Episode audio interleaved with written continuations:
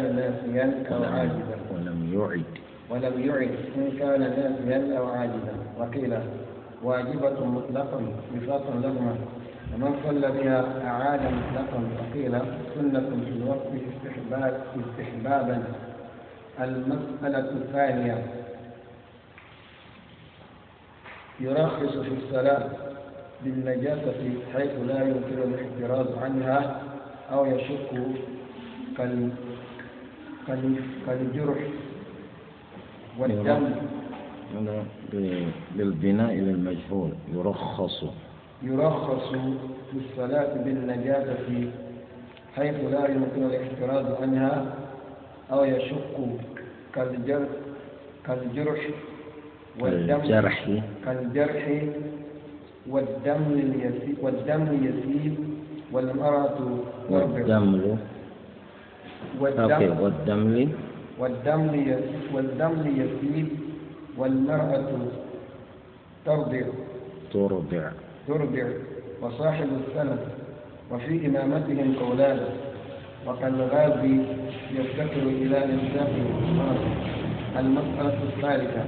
يجب إزالة النجاسة عن جسد المصلي وموضع الصلاة والثوب الذي يصلي فيه. وكل ما يحمله أو ما يتعلق به. المسألة الرابعة إزالة النجاسة بثلاثة أشياء. وهي الغسل والمسح والنجح فالنجح للثوب إذا شك في نجاسته.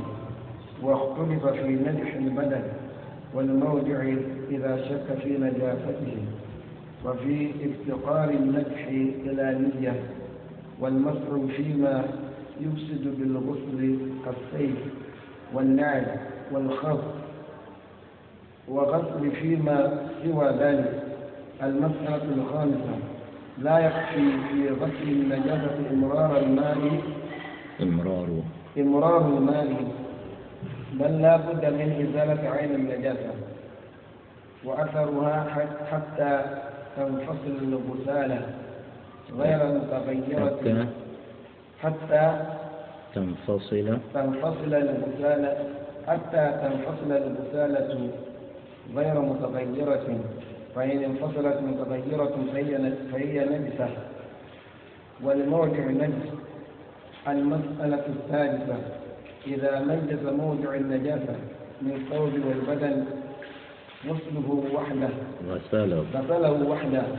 وإن لم يميز غسل غسل الجميع المسألة السابعة لا يجوز إزالة النجاسة بجماعه غير بماع بماع غير الماء. غير الماء. غير الماء. وجازه أبو حنيفة بكل ماعه كالخل وماء الورد. المسألة الثامنة بس بس.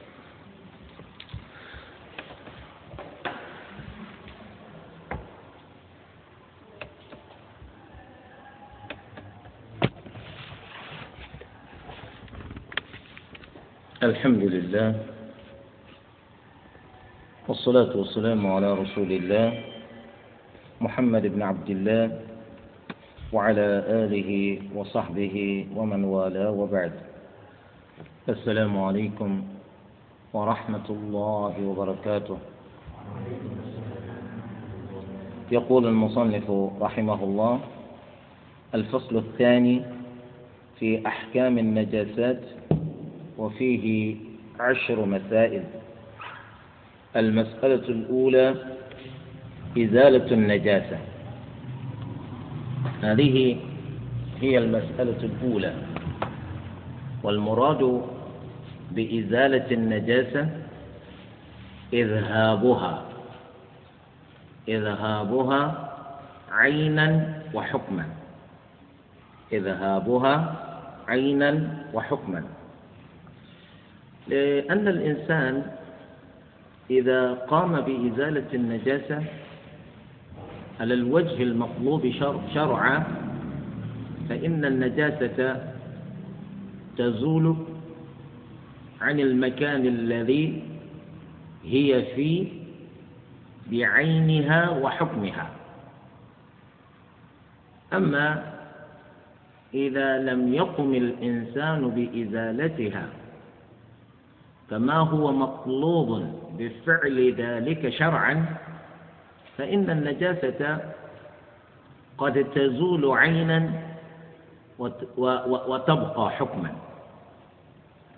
وحتى يذهب الإنسان النجاسة عينا وحكما يجب عليه أن يلتزم بما وضعه الشارع للمكلفين ليتسنى لهم بامتثاله إزالة النجاسات كلها سواء أكانت النجاسة في أجسادهم أو في ثيابهم أو في أمكنتهم.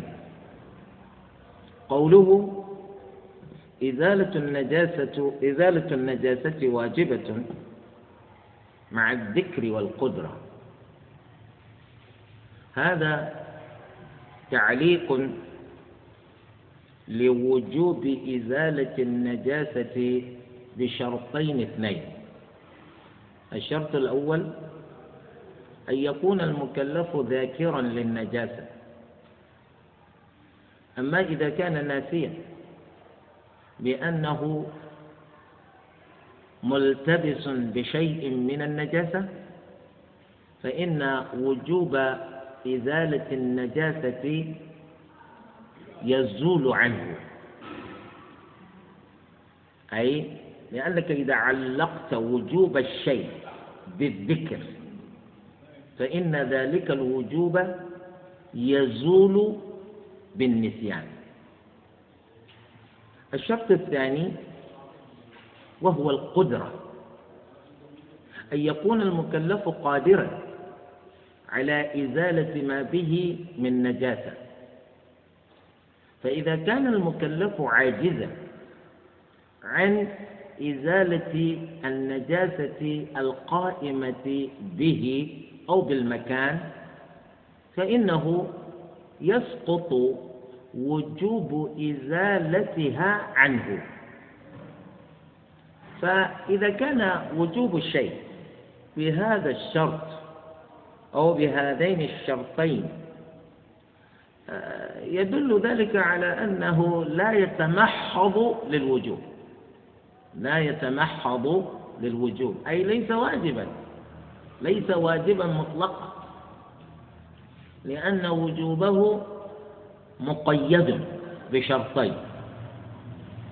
فيدور الوجوب وسيدور الوجوب مع الشرطين وجودا وعدما إذا وجد الشرطان ثبت الوجوب وإذا انعدم سقط الوجوب. إذا وجد أحدهما دون الآخر لم يبق الوجوب وهكذا. فلهذا يعبر بعض فقهاء المالكية عن هذا الوجوب بسنة مؤكدة. يقولون حكم إزالة النجاسة عن البدن والثوب والمكان لمن أراد أن يصلي سنة مؤكدة. بمعنى إذا صلى الإنسان وهو يحمل نجاسة ببدنه أو بثوبه أو في المكان الذي يصلي فيه فإنه يعيد تلك الصلاة. إذا ذكر تلك النجاسة إذا كان قد صلى بنجاسة فإنه يعيد تلك الصلاة. وكان قادرا على إزالتها فإنه مطالب بإعادة تلك الصلاة ولم يعد إن كان ناسيا أو عاجزا. ولم يعد إن كان ناسيا أو عاجزا.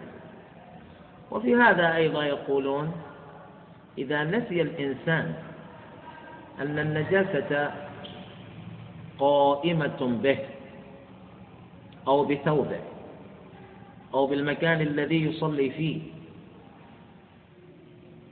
فإنه إذا تذكر وكان قادرا على إزالتها فإنه يعيد تلك الصلاة ما بقي الوقت. يعيد تلك الصلاة ما بقي الوقت أي ما بقي وقت تلك الصلاة. أما إذا خرج وقت تلك الصلاة فهو لا يكون مطالبا بإعادتها لفوات لفوات الإعادة بذهاب وقت تلك الصلاة. هذا يدل على أنه ليس واجبا مطلقا. أي إزالة النجاسة ليست واجبة على سبيل الإطلاق بهذا القول. وقيل إزالة النجاسة واجبة مطلقة. أي على الناس والذاكر وعلى القادر والعاجز. وهذا هو قول الإمام أبي حنيفة والإمام الشافعي وقول أحمد بن حنبل. جمهور الفقهاء يوجبون على المكلف إزالة النجاسة عن بدنه وثوبه ومكانه قبل أن يصلي. وعلى هذا القول من صلى وفي بدنه نجاسة أو بثوبه أو في المكان الذي صلى فيه فإنه يعيد تلك الصلاة أبدا. سواء أبقي شيء من وقت تلك الصلاة أو يكون الوقت قد خرج فهو مخاطب بإعادتها أبدا. وهذا تجدونه في الفقه خاصة في الفقه المالكي. هم يقولون لك إذا فعل المكلف كذا فإنه يعيد الصلاة ما بقي من الوقت شيء. و وفي قول يعيدها أبدا. يعيدها أبدا مقتضى هذا القول أن صلاته الأولى باطلة. وإذا كانت الصلاة الأولى التي أتى بها باطلة فهو الآن يخاطب بإعادة تلك الصلاة. لأنه بصلاته الأولى لم يخرج من عهدة تلك الصلاة أي لم يقم بما أمر الله به بعد. وهذا القول الآخر هو القول الراجح إن شاء الله. القول الثالث أنه آه وقيل سنة فيعيد في الوقت استحبابا. هذا القول القول بأنه واجب مطلقا هو الأصوب والأرجح. ولا تنسون أن المراد بإزالة النجاسة هنا هو إزالة آه، الطهارة من الخبث. المراد بإزالة النجاسة هنا هو الطهارة من الخبث. دون الطهارة من الحدث. الطهارة من الحدث يتحقق إما بوضوء أو بغسل أو بما ينوب عنهما وهو التيمم. هذا مفروغ منه. لا خلاف فيه. اتفق الفقهاء على وجوب الطهارة من الحدث. وأن الإنسان لا يصلي إلا وقد تطهر من الحدث. إنما الخلاف هنا في الطهارة من الخبث كأن يكون في جسدك بول أو غائط. هذا البول أو الغائط أنت لم تتنبه له حتى توضأت حتى جئت فصليت ثم تبين لك ذلك بعد ذلك. أو يكون بثوبك. بول أو غائط. أو يكون بالمكان الذي تريد أن تصلي فيه بول أو غائط. هذا الذي يختلفون فيه. إذا صليت وسلمت من الصلاة فتبين لي بعد سلامي من الصلاة أنه يوجد بول أو عذرة في بدني. وقد صليت. وأنا ما انتبهت لذلك حتى صليت. ماذا علي؟ هل نقول صلاتك هذه باطلة؟ لأنك صليت متلبسا بنجاسة. أو نقول أعد تلك الصلاة ما دامت الوقت باقيا. أما إذا كان الوقت قد خرج فلا عليك. فإذا قلنا بهذا القول الثاني معنى ذلك إن إزالة النجاسة ليست واجبة. إنما إزالتها سنة. إنما إزالتها سنة ثم نأتي إلى قول المالكية يقولون هل أنت تقدر أن تزيلها وقد تذكرت؟ إذا كنت قادرا أزلها وأعد الصلاة ما دام في الوقت بقية. القول الآخر أنك تعيدها سواء أبقي من الوقت شيء أو لم يبقى من الوقت شيء. سواء أكنت قد صليت قبل بالنجاسة نتيجة النسيان أو نتيجة العجز فأنت مطالب بإزالتها وبإعادة صلاتك. أما إذا كان الإنسان ناسيا فصلى بالنجاسة بسبب ذلك وقد تذكر الآن فالأمر فيه أهون. أما الذي هو عاجز عن إزالة النجاسة. هل يتصور أن يكون قادرا لإزالتها بعد؟ يتصور. في ذلك الوقت كان عاجزا. الآن ليس عاجزا هو قادر. فإذا بقي عجزه هل يمكن أن يزول عنه ذلك العجز؟ نعم يمكن أن يزول عنه. وذلك بأن يساعده غيره. يساعده غيره على إزالة تلك النجاسة. فالجمهور من الفقهاء الذين قالوا بوجوب إزالة النجاسة مطلقا عن البدن أو الثوب أو المكان لتصح الصلاة. لا يقصدون بأنك إذا ذهبت لتقضي حاجتك لا تستنجي ولا تستجمر. لا. لقد استنجى أو استجمر. لكن بقي شيء من النجاسة في بدنه وهو لا يدري. ثم تبين له. هم لا يقصدون أنك تلعب بالنجاسة.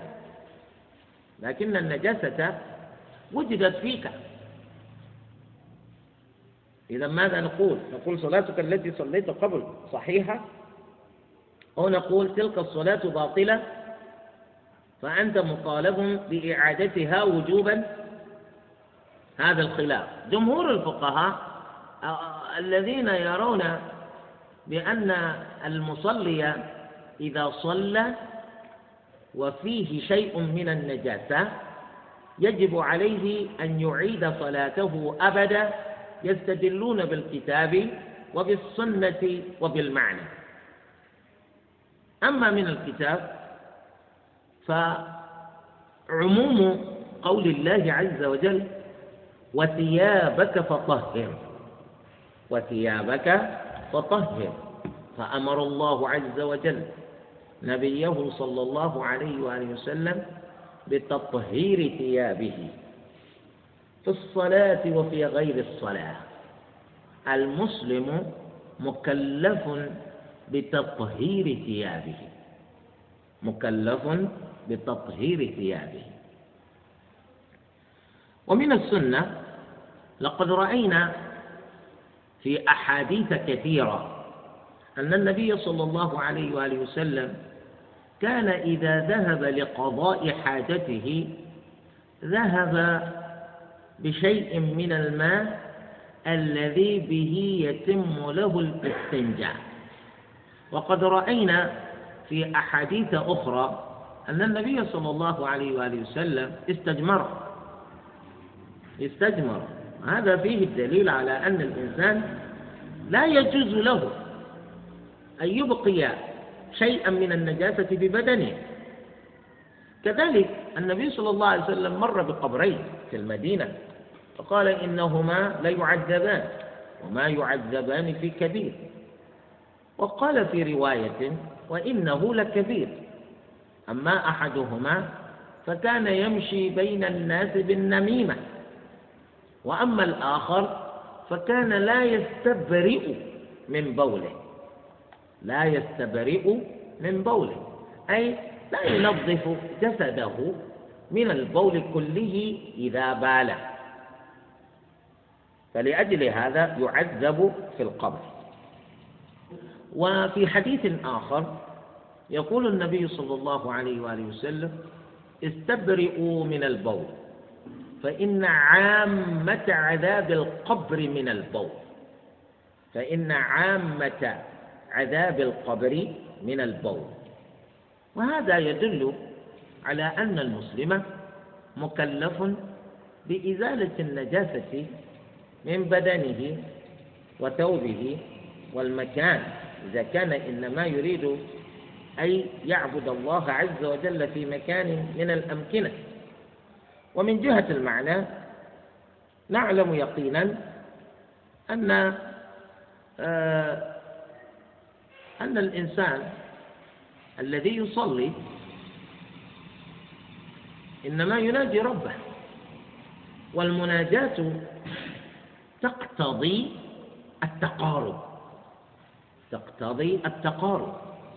وكيف تقترب من رب العزة والجلال وفيك وفيك نجاسة وفي ثوبك نجاسة وفي المكان الذي أنت ماثل فيه نجاسة فإن هذا يتعارض مع ما أنت بصدد القيام به ألا وهو المناجاة. فكانت المنا... فكان فكانت إزالة النجاسة لذلك واجبة. استدل المالكية الذين لا يرون في قول من قوليهم وجوب إزالة النجاسة. وإنما يقولون إن إزالتها سنة سنة مؤكدة. استدلوا لقولهم ذلك بحديث النبي صلى الله عليه وآله وسلم أنه صلى يوما بأصحابه. إذا به يخلع نعليه في الصلاة. فخلع الصحابة نعالهم مثله. فلما انصرف النبي صلى الله عليه وسلم من الصلاة سألهم لم خلعتم نعالكم؟ قالوا رأيناك خلعتهما فخلعناها. فأخبرهم النبي صلى الله عليه وسلم بأن الملك جبريل أخبره بأن في نعله قذرا. وفي رواية أذى وفي أخرى نجاسة فلذلك خلعت نعلي.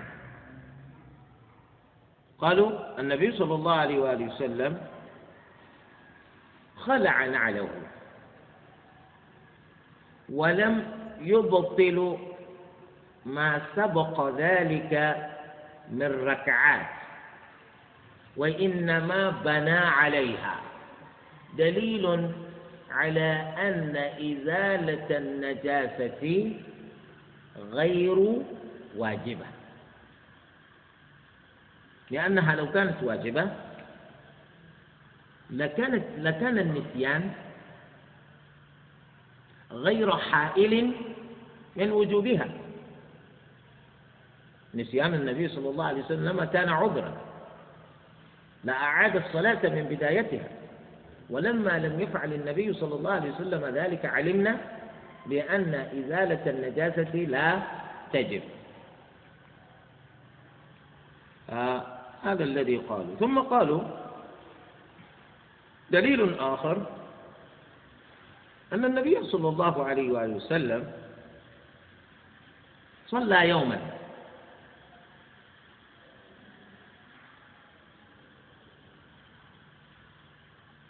ثم أتى قريش بسلا جزور وفيه دم فرموه على النبي صلى الله عليه وسلم وهو يصلي وهو يصلي. فأتت بنته فاطمة لتزيل عنه فلا جزور وهي تقول أتقتلون رجلا أن يقول ربي الله هل أنتم تاركون لي والدي؟ قالوا والنبي صلى الله عليه وسلم لم يبطل تلك الصلاة وإنما بنى على ما سبق. وهذا دليل على أن إزالة النجاسة غير واجبة. يجاب عن الدليلين. اللذين ذكرا بقول المالكية بأن خلع النبي صلى الله عليه وآله وسلم لنعليه بعد إخباره بوجود النجاسة بهما لهو دليل على أن النجاسة تجب إزالتها. إذ لو لم تجب إزالتها لأبقى النبي صلى الله عليه وآله وسلم نعليه برجليه.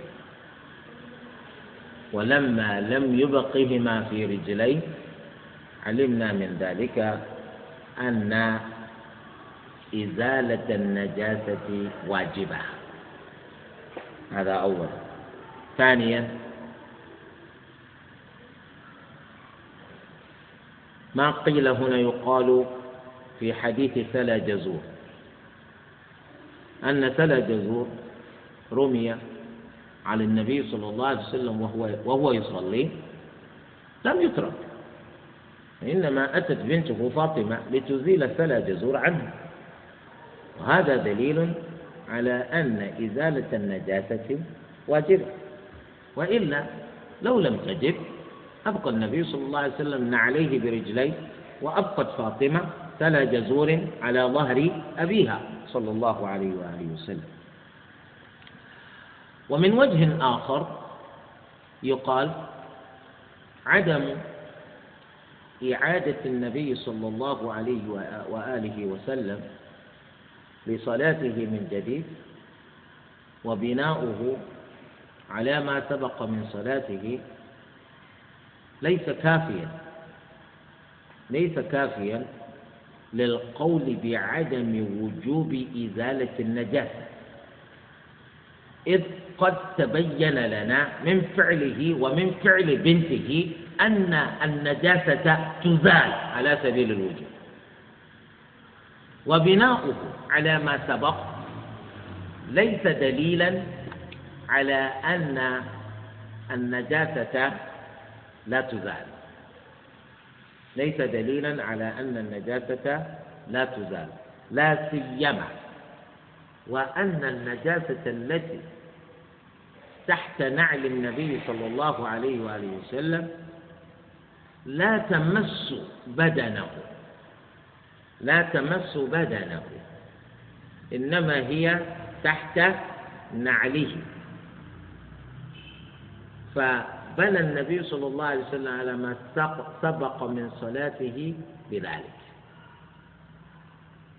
ولأجل هذا نقول الأصوب أن الإنسان إذا تذكر أنه صلى صلاة بنجاسة فالواجب عليه أن يعيد تلك الصلاة لأن الصلاة بنجاسة ليست هي الصلاة التي أمر الله عز وجل بها. إنما أمر الله المسلم بأن يقيم الصلاة بالطهارة التامة. سواء كانت الطهارة من الحدث أو من الخبث هذا هو. المسألة الثانية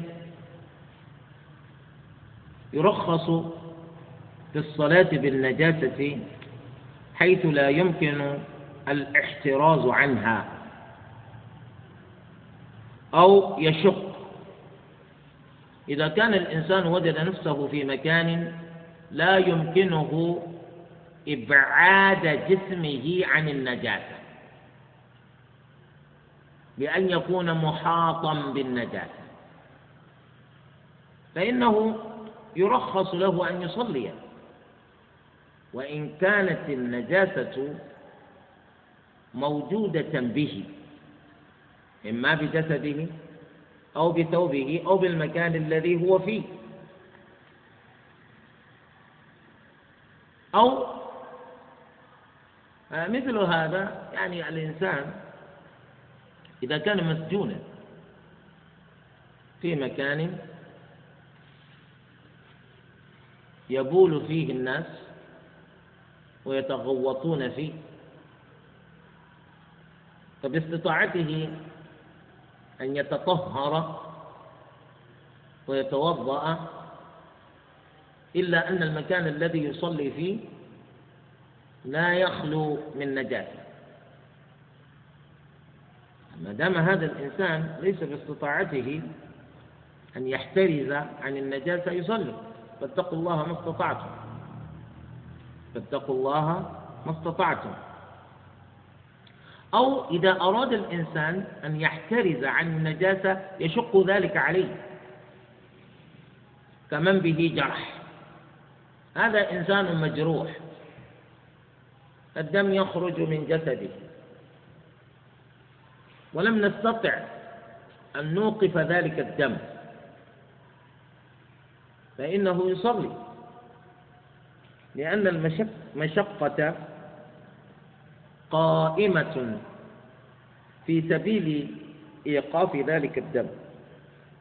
فإنه يصلي. لما تقرر أن المشقة تجلب التيسير. المشقة تجلب التيسير. وهذا الذي حصل حين جرح عمر بن الخطاب رضي الله عنه على يد المجوسي أبي لؤلؤ المجوسي طعن أمير المؤمنين عمر رضي الله عنه في مقتله فأخذ الدم يتدفق من جسد عمر وعمر يؤم الناس في الصلاة واستمر عمر في صلاته. رغم أن الدم ينزل. لأنه يشق عليه. الاحتراز من ذلك الدم. فاستمر في صلاته لأن المشقة تجلب التيسير. كذلك من به الدمل وهو الالتهاب. الذي يكون في جلد الإنسان يخرج منه سائل. هذا السائل الذي يخرج من أثر الالتهاب يقال له الدمل إذا كان يسيرا فإنه لا يضر لأن القاعدة الفقهية تقول القليل ملحق بالعدد. القليل ملحق بالعدد. كذلك المرأة ترضع ما المقصود بالمرأة ترضع هل لبنها نجس؟ لبنها ليس نجسا. ولماذا قال إذا كان الإنسان محاطا بنجاسة بحيث لا يمكنه الاحتراز منها أو يشق ذلك عليه؟ فإنه يصلي ومثل بالمرأة التي ترضع يريد بذلك أن المرأة التي ترضع فإنها قل أن تسلم قل أن تسلم من نجاسة. فإنها تحاط دوما بنجاسة ولدها الرضيع. لأن الولد إذا كان يرضع فإنه يبول كيف شاء ويتغوط كيف يريد. فبالتالي لو أخذت المرأة تطهر ذلك الرضيع من وقت لآخر فإنه لا يزال يبول من فينة لأخرى. يعني لا أحد يستطيع أن يضع له حدا في بوله أو غائطه. فلا تستطيع المرأة غالبا أن تحترز من هذه النجاسات. ولذلك هي تصلي وهي متلبسة ببول رضيعها. تصلي وهي متلبسة بشيء من غائط رضيعها. لكنها لا تتعمد ذلك. لا تتعمد أن تصلي بنجاسة. تحتاط وتحتاط وتحتاط. وإذا بقي شيء إن الله غفور رحيم. هذا الذي يقصد. الآن صنعوا خفاض خفاض الأطفال. الخفاض هذا يساعد كثيرا في امتصاص البول وامتصاص السائل الذي يكون ببراز الرضيع لكن على الرغم من ذلك قد يمتلئ الخفاض ويتثاقل لما يحمله من بول وغائط. وبالتالي يتسرب شيء من بلل ذلك إلى الخارج. وهذا البلل الذي يتسرب كيف يمكن المرأة أن تحترز من هذا البلل؟ صعب. فلذلك هي تصاب بهذا. لا سيما وأن آه، وأن كثيرات من النساء يحملن أطفالهن في ظهورهن. والولد الرضيع إذا إذا أردف في الظهر فإنه يعني يجد ما به من بلل ما بخفاضه من بلل يجد سبيلا لإصابة ظهر أمه بسهولة. وهي تريد أن تصلي. كيف تصلي؟ هي تتقي الله ما تستطيع. فاتقوا الله ما استطعتم. وأما أن نقول يجب عليها أن تحترز من كل هذا قد يصعب. كيف إذا كان هذا لا يكون سهلا في حق المرأة التي لها رضيع واحد؟ فما بالك بأم توأم لها ولدان. يعني لا يكون الأمر هينا. لذلك ربنا عز وجل يعني يسهل لعباده أمورهم ما صعب عليهم الاحتراز مما نهوا عن التلبس به عند الإقامة عند إقامتهم بشيء من العبادات التي يطالب المكلف أن يكون متطهرا قبل القيام بها. فلأجل هذا يجوز للمرأة أن تصلي وإن كان شيء من بلل بول رضيعها يتسرب من خفاضه إلى جسدها لأن الأمر إذا ضاق اتسع إذا ضاق الأمر اتسع. والمشقة تجلب التيسير. كذلك وصاحب السلس من به سلس البول من به سلس البول. هذا قد يكون رجلا قد يكون امرأة. البول يخرج منه بدون إرادة. البول اللا إرادي البول هذا يخرج منه بدون إرادته ولا يملك كباحا يمسك به البول. شاء أم أبى؟ البول ينزل. هذا يقال به سلس البول. هذا لا يستطيع أن يحترز من مثل هذا البول. لأنه إذا ذهب فاستنجى ثم وضع شيئا كالخفاض في فرجه حيث ينزل البول فإن البول لا يزال يتقاطر يتقاطر رغم التطهر ورغم وضع الخفاض بذلك الموضع. يتقاطر البول يتقاطر البول. هل نقول لهذا لا تصلي حتى يتوقف البول؟ بيدك القدرة أن توقف البول؟ ليس بيدك. المشقة تجلب التيسير. نقول أنت تتطهر لكل صلاة. وبعد ذلك فإنك بعد تطهرك بالاستنجاء فإنك تضع شيئا كخفاض بذكرك أو بقبلك ينزل البول فيه فأنت إذا فعلت ذلك يمكنك أن تتوضأ وتصلي. كل ما يتقاطر بعد من بول من جسمك فهو عفو. فهو عفو. لأن المشقة تجلب التيسير. وفي إمامتهم قولان قولان. يعني إذا كان الإنسان بحيث لا يمكنه أن يتطهر من النجاسة كلها ويستنزه من النجاسة كلها قبل أن يأتي إلى المكان الذي يصلي فيه. هذا الذي هو متلبس بنجاسة ليس باستطاعته إزالتها كلها. هل يصلي بالناس إماما؟ هل نرضاه إماما؟ قولان. القول الأول نعم. يصلي بالناس لأنه قد تطهر على ما يستطيع.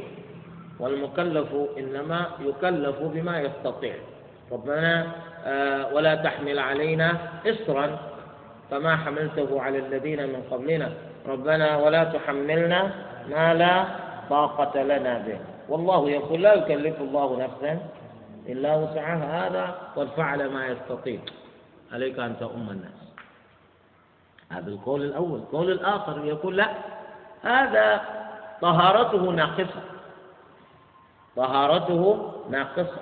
فكيف نترك له المجال ليؤم من طهارته أكمل؟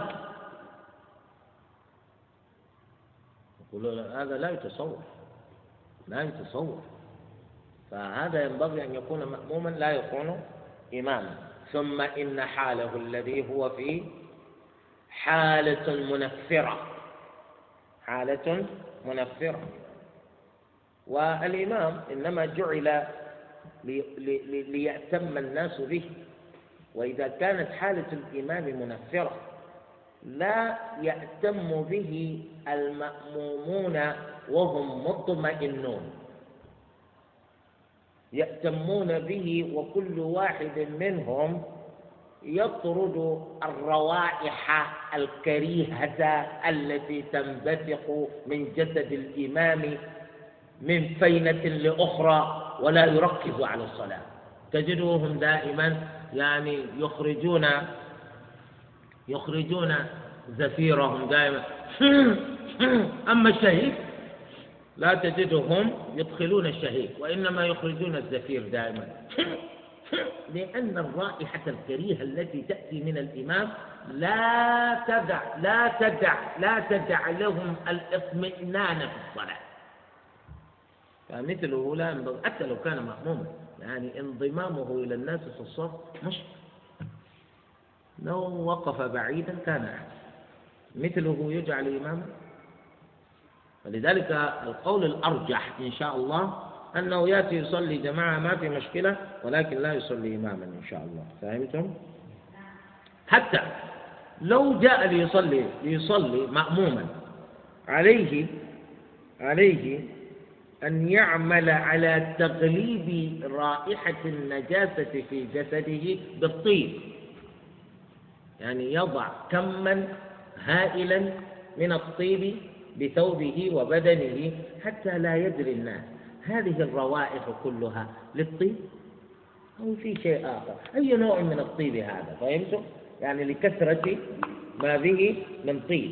أما إذا كان الطيب الذي آه، لطخ به جسمه قليلا الناس يتبين آه بأن البول آه ينزل فيه ولأجل هذا يريد أن يلبس علينا بما وضع في جسده من طيب. هذا هو وكالغازي يفتقر إلى إمساك فرسه يعني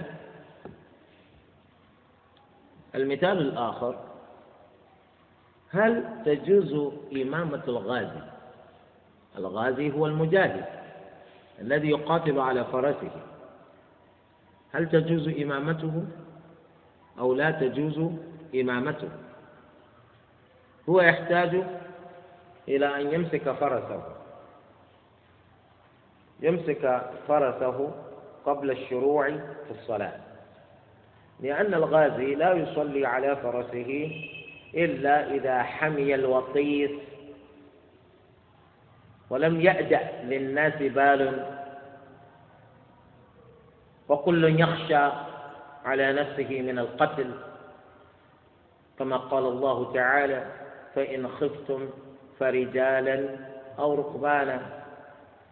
وإلا مع عدم مثل هذا الخوف لا يجوز للمسلم أن يصلي الفريضة أن يصلي الفريضة على مركوبه. لا يجوز إلا في الحرب. في حال القتال أنت تصلي على مركوبك. هذا الغازي المجاهد الذي يصلي على فرسه يحتاج إلى إمساك فرسه. هل يجوز أن يؤم؟ يقولون يجوز. إذا كان الذين سيصلوا خلفه أيضا غزاة يعني كي ما, ما تقول في الإمام تقول في المأموم. ثم إذا أراد الغازي أن يصلي وهو على فرسه لا يحتاج إلى إمساكه. ربنا يقول فإن خفتم فرجالا أو ركبانا والفرس يتحرك تبدأ بالصلاة لأنه يجوز في الخوف ما لا يجوز في الأمن.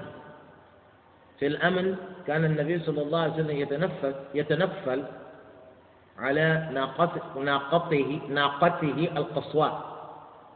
وكان يمسك ناقته إذا أراد أن يبدأ بالصلاة فيكبر وهو يتجه صوب القبلة. الله أكبر. ثم بعد ذلك لا يبالي أينما تولوا؟ فثم وجه الله. لكن في البداية يستوقف ناقته. ويتوجه بها نحو القبلة. ثم يكبر للإحرام. وبعد ذلك يصلي. أينما تتوجه الناقة؟ ما في إشكال. لقول الله عز وجل ولله المشرق والمغرب. فأينما تولوا فثم وجه الله. إن الله واسع عليم. لكن في الفريضة لا سيما في الحرب. وقد علمنا سابقا أنه لا يجوز للإنسان أن يصلي الفريضة على مركوب. وإنما العذر القوي هو الذي فتح له هذا الباب. وهذا العذر لم يشترط معه أن تستقبل القبلة إذا لم تستطع. أنت لا تستطيع أن توقف فرسك وأنت في الحرب لأنك تريد أن تصلي الفريضة. لا تستطيع أن توقف الفرس وتتوجه به إلى القبلة قبل أن تحرم للإحرام. لا تستطيع ذلك. صلي. أينما تتوجه دابتك صلي. فبالتالي إذا كان الإمام غازيا. والمأمومون غزاة. لا داعي لإمساك الفرس. لا داعي لإمساك الفرس. المسألة الثالثة. يجب إزالة النجاسة عن جسد المصلي وموضع الصلاة والثوب الذي يصلي فيه. وكل ما يحمله أو ما يتعلق به. كان لو كان الكتاب مما يصنفه الباحثون المعاصرون في زماننا هذا لكان تقديم هذه المسألة واجبا قبل المسائل الأخرى. لأن السائل يسأل. مما نحن مكلفون بإزالة النجاسة ماذا أمرنا الله عز وجل أن نزيل النجاسة عنه؟ علمونا ما نعرف. كان من المفترض أن تقدم هذه المسألة على غيرها. وهذه المسألة يذكر فيها المصنف بأنه يجب على المكلف أن يزيل النجاسة عن جسده. إذا أراد أن يصلي بأي دليل؟ من يعرف يتكلم. يجب أن نزيل النجاسة عن أجسادنا. إذا أردنا أن نصلي بأي دليل؟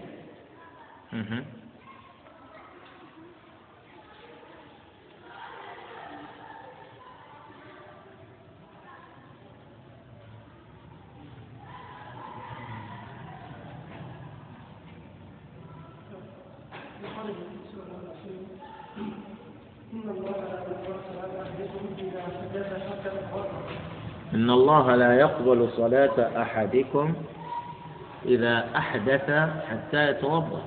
لا. هذا دليل على وجوب الطهارة من الحدث. وليس دليلا على وجوب الطهارة من الخبث. وقد سبق أن ذكرنا أن النجاسة التي يتناولها المصنف بالحديث في هذا الفصل هي آه، الخبث لا الحدث يعني أن يكون بول في جسدك أو غائط ويكون ذلك في ثوبك. ليس الأمر هنا عن الوضوء أو الغسل أو التيمم لا. كذلك أن يكون بول أو غائط في المكان الذي تريد أن تصلي فيه. أنت توضأت ووجدت بولا في جسدك. فأن يكون ذلك البول في بطنك. هل يجب عليك أن تغسل ذلك البول؟ وجدت بولا في ثوبك. وأنت تريد أن تصلي. هل يجب عليك أن تغسل ذلك البول؟ قبل أو بعد الوضوء. في المكان الذي تريد أن تصلي فيه غائب. هل يجب عليك هل يجب عليك أن تغسل ذلك الغائط؟ هذا هو. هذا الذي نريد له دليل. ما هو الدليل الذي به علمت؟ أنه يجب على المسلم أن يغسل النجاسة عن بدنه. لما حصل النبي صلى الله عليه وسلم لما صلى الناس في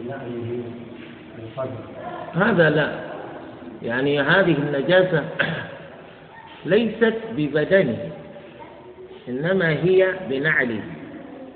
نريد دليلا على وجوب إزالة النجاسة عن البدن هذا البدن هذا الجسد هذا الجسم. نعم. قال صلى الله عليه وسلم إن الله قال قال صلى الله عليه وسلم. إن الله طيب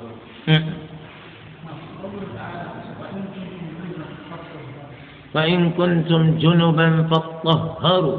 جيد. هذا دليل على وجوب إزالة النجاسة من البدن. ما هي النجاسة التي يزيلها الجنب من جسده ليكون هذا الدليل دليلا؟ جنابة؟ ما هي تلك الجنابة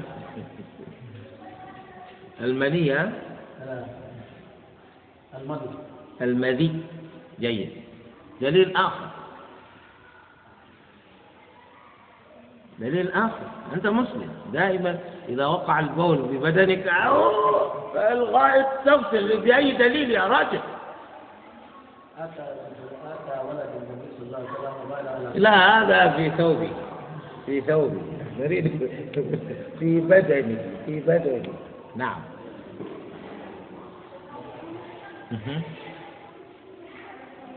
ما هو الدليل؟ يعني إنسان مسلم وهو يقوم بهذا الشيء يوميا وهو طالب علم لا يدري لماذا يفعل هذا. الاستنجاء والاستجمار دليل. فهمتم؟ الاستنجاء لأنه الاستنجاء للبدن الاستجمار للبدن فهمتم؟ هذا كله دليل لأن النبي صلى الله عليه وآله وسلم يستنجي دائما إذا قضى حاجته أو يستجمر. هذا دليل على وجوب إزالة النجاسة عن البدن. عن البدن أنت لا تترك النجاسة ببدنك. هكذا يفعل المسلمون. الذي يرضى أن تبقى النجاسة ببدنه ولا يجد شيئا في قلبه في إيمانه شيء. في إيمانه شيء. وما هو الدليل يا ترى على وجوب إزالة النجاسة عن الثوب؟ وثيابك فطهر الرضيع الذكر والأنثى. اللذان بالا على النبي صلى الله عليه وسلم. دليل آخر. على وجوب إزالة النجاسة عن الثوب. الرسول صلى الله عليه وسلم صلى وفي نعله أذى فأخبر بذلك فخلع نعليه. هذا دليل على وجوب إزالة النجاسة عن الثوب. أو عما تحمله. أنت تحمل شيئا لا بد أن يكون ذلك الشيء طاهرا. أن يكون طاهرا بعيدا عن النجاسة. وما هو الدليل على وجوب إزالة النجاسة عن المكان؟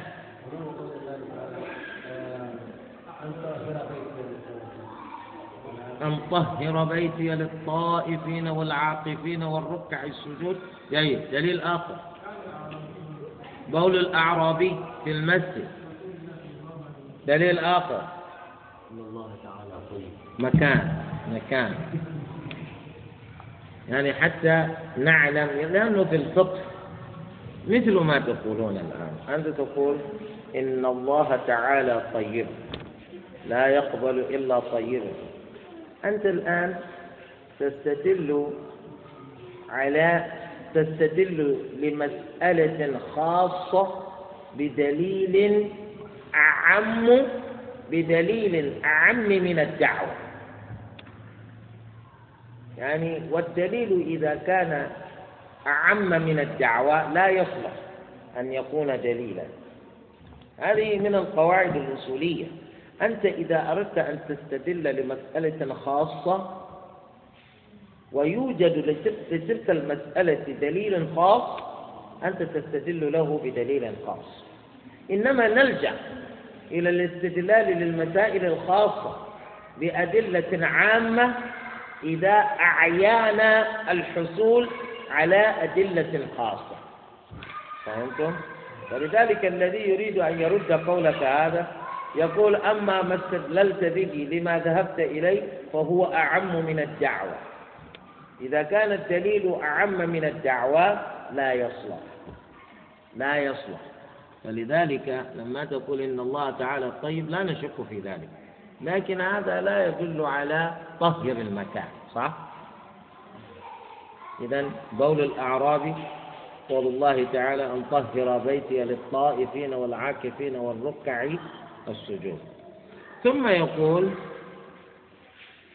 وكل ما يحمله وكل ما يحمله.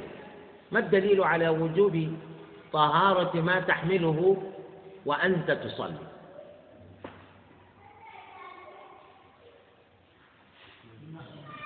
يعني أنت تحمل قلما وأنت تصلي تحمل محفظة وأنت تصلي تحمل منديلا وأنت تصلي.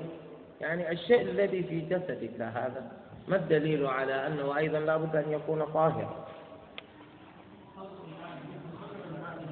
خلع النبي صلى الله عليه وسلم نعله. دليل آخر.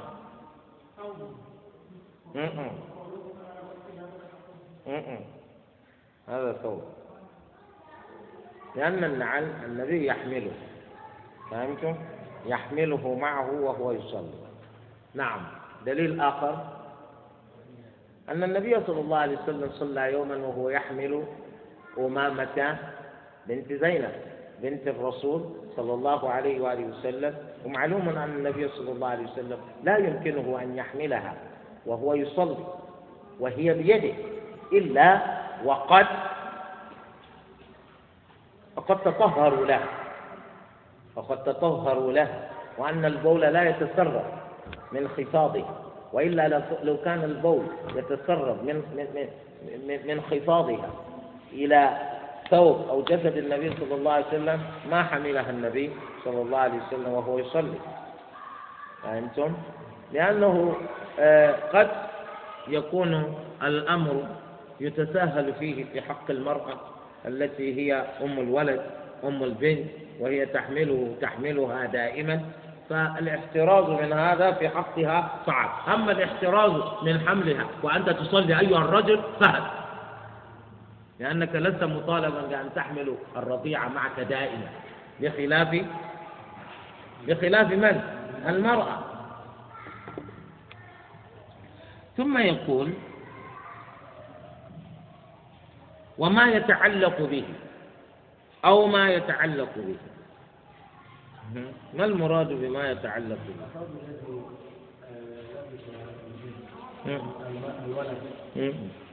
يتعلق به. أو ما يتعلق به. أو ما يتعلق به.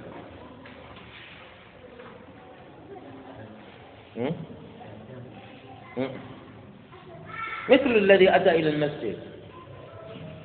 بجمل. أتى إلى المسجد بحصان. وربط حصانه عند باب المسجد. وجعل حبله بجيبه هذا الحبل نجس أو طاهر ننظر لأن هذا هذا الحبل يتعلق به فهمتم؟ أو أمسك الحبل الله أكبر لأن الجمل إذا كان حبله بيدك كيف يفر؟ فهمت؟ وإن كان إذا صلى الإنسان فإنه لا يجوز له أن يحمل معه شيئا يشوش عليه في صلاته. لكن هذا الإنسان قد أتى بما قد يشوش عليه. فنقول يا يا رجل الحبل الذي أنت تمسك به الآن طاهر أو نجس؟ يقول في الحقيقة الجمل قد بال فيه. ونقول بول الجمل ما في إشكال. ما في إشكال. ولكن الناس قد يتأذون من رائحة بول الجمل إذا أنت أدخلت حبله إلى المسجد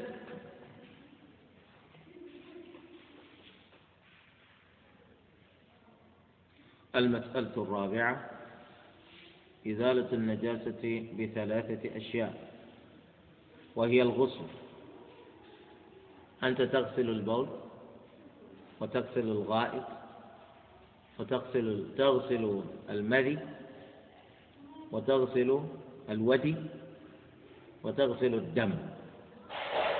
وتغسل الدم. إذا كان دما مسفوحا. لأن الدم المسفوح نجس باتفاق العلماء. ويقولون الدم القليل معفو عنه إذا لم يكن دم حيضة. أما إذا كان الدم اليسير دم حيضة فخلاف بين الفقهاء.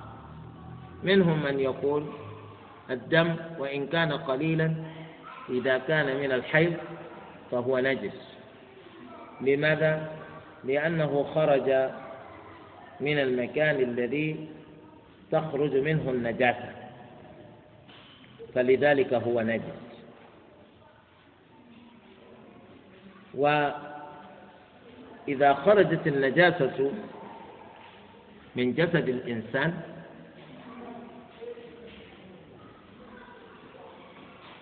من المكان الذي المعهود أن النجاسة هي التي تخرج منه غالبا. يقولون الدم هذا يكون حكمه حكم ما يخرج من ذلك الموضع غالبا. فلذلك قالوا دم الحيض يختلف عن سائر الدماء. فهو نجس وإن كان قليلا. هكذا يقولون. والغسل يكون بماذا؟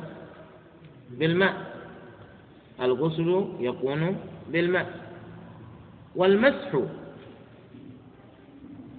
المسح هو الطريقة الثانية التي تسلك لإزالة النجاسة والنضح هو الطريقة الثالثة لإزالة النجاسة فقال فالنضح للثوب. النضح للثوب إذا شك في نجاسته. أما الغسل معلوم. الغسل يكون للبدن وللثوب وللمكان. أما النضح وهو أن ترش الشيء بالماء رشة هذا يقال له باللغة العربية نضح. أي ترشه بالماء رشة الرش النضح هذا يقول يكون للثوب. إذا ننضح الثوب. كما فعل النبي صلى الله عليه وآله وسلم بثوبه حين بال عليه طفل رضيع. إذا شك الإنسان في نجاسة الثوب فهو مطالب بالنضح. أنت الآن ترى أنك وأنت تبول وتبول وتبول وتبول ربما سقط شيء من بولك في سروالك. خروجا من الخلاف. ولتطمئن في العبادات التي تأتي بها بالطهارات التي تقوم بها ترش سروالك بالماء. ترش سروالك بالماء. ليطمئن قلبك. وهذا يلجأ إليه الرجال والنساء غالبا. لأنك قد تفاجأ لأنك وأنت الآن رجل كبير أو امرأة كبيرة أنك لا زلت تشرب سروالك البول من وقت لآخر يوميا. لا تذهب لتبول في أي مرة من المرات إلا وشيء من البول يسقط على سروالك وهذا يقع للناس المستعجلين دائما. يذهب ليبول ولا يرح نفسه. بقية أن يخرج كل ما في المخرج من بول قبل أن يستنجي. يستنجي والبول لا زال يخرج. فهو بالتالي يحكم على نفسه بتمام الاستنجاء مع أن البول لا يزال يقطر من ذكره. أو يقطر من المرأة. فهذا البول يبقى في سروالك وتبول آخر. في سروالك هكذا تأتي تتوضأ تصلي وأنت لا تدري أن البول موجود في سروالك. أي صلاة تصلي؟ إنما تلعب. فلأجل هذا إذا قلت حتى وإن كنت على يقين لأن البول قد خرج كله قبل أن تستنجي. إذا رأيت بللا تشك فيه لا بأس أن ترش ذلك المكان بالماء ليطمئن قلبك.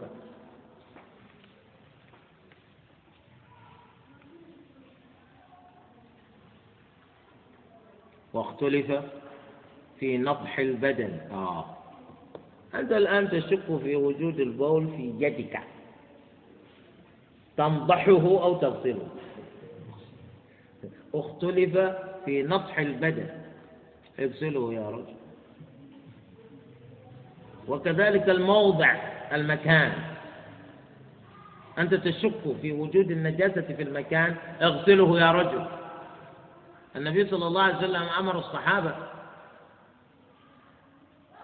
أن يهريقوا ذنوبا من الماء على بول الأعرابي ولم ينضحوا المكان نضحا وإنما أمر بصب الماء دلو. يعني ذنوب الدلو الكبير من الماء على بوله. وفي افتقار النضح إلى نية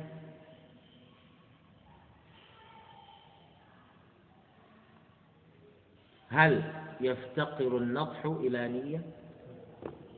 خلاف. يعني أنت إذا نضحت ثوبك وأنت تشك هل فيه نجاسة وما فيه نجاسة؟ تقول تنوي أو لا تنوي؟ يا أخي ما يحتاج. ما يحتاج إلى النية لأنه هذا من باب الطرق. هذا من باب الطرق. والمسح فيما الآن علمنا الغسل. في ماذا يكون الغسل ثم بين لنا أن أن النضح يكون في الثياب. ثم الآن يجيب عن السؤال كأن سائلا سأله وفيما يكون المسح ماذا يمسح يا شيخ؟ ماذا يمسح؟ فقال المسح فيما يفسد بالغسل يوجد أشياء توجد أشياء في هذه الدنيا إذا أصابتها نجاسة. وأردت أن تزيل تلك النجاسة عن تلك الأشياء بالماء فإن الماء يفسد تلك الأشياء. ويقول كالسيف إذا أصابت نجاسة السيف وأردنا أن نزيل تلك النجاسة كبول مثلا هل نزيله بالماء غسلا؟ أو يكفي أن نزيله بالمس؟ علما بأن البول إذا أصاب السيف فإنه لا يتخلل في داخل جسم السيف. لا يدخل إلى داخل اسم السيف يعني جسم السيف. بخلاف الخشب. لو أصاب البول خشبا فإن البول هذا يتخلل ويتسرب إلى داخل الخشب. أما السيف إذا أصابه بول فإنه يبقى طافيا. يبقى على اسم السيف ولا يدخل. هذا مثل هذا يقال له في اللغة العربية جسم صقيل جسم صقيل بمعنى جسم أملس. أملس لا يدع مجالا لأي سائل أن يدخل فيه. لا يمكن لسائل كماء أن يدخل فيه. إنما يبقى طافيا فوقه مثل ما مثل الحديد وكذلك المرآة الزجاج. لو وقع بول على الزجاج تغسله يقولون يكفي أن تمسح. لأن النجاسة هذه لا تتغلغل إلى داخل جسم هذا هذا الشيء لأنه ثقيل لا يقبل لشيء أن يدخل فيه. فإذا كان الجسم ثقيلا اكتفي بمسحه اكتفي بمسحه. ثم إذا كان الجسم الثقيل حديدا وغسل كالسيف ماذا ماذا يحدث للسيف إذا غسل؟ فإنه يصدع. يصدع ويفسد. يصدع ويفسد. إذا أصاب الحديد ماء فإن الحديد يصدع. ويفقد يفقد يفقد الحديد بذلك قيمته ولمعانه لأنه يصير مصدوءا فيبدأ في التآكل. إذا أصابه ما يبدأ في التآكل. فلذلك حتى لا نفسد قيمته وماليته فإنه يكتفى فيه بالمسح دون الغسل. كذلك النعل والخف. إذا أصاب نعلك شيء من النجاسة أو أصاب خفك شيء منها فإنك تكتفي بمسح النعل والخف دون غسلهما. لماذا؟ لأنك إذا غسلت النعل فإن النعل قد قد قد قد, قد يفسد قد تفسد. كذلك الخف إذا غسلته قد يفسد خاصة